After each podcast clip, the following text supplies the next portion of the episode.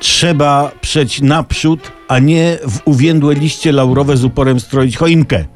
Naprzeciw parcia do przodu wyszła Małgorzata Rozenek wraz z rodziną i 14 grudnia urządziła kolację wigilijną, bo 24 będą na wycieczce w Azji. O czym dzień później lojalnie poinformowała w internecie. Dziękujemy.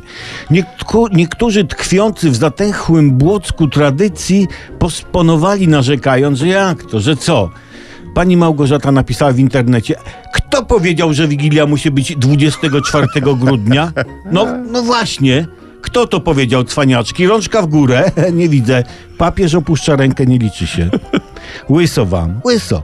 Ja bronię pani Małgorzaty. To jest nowatorskie podejście do świąt. To co, że słowo Wigilia z łaciny oznacza czuwanie, w tradycji czuwanie przed każdym dniem świątecznym.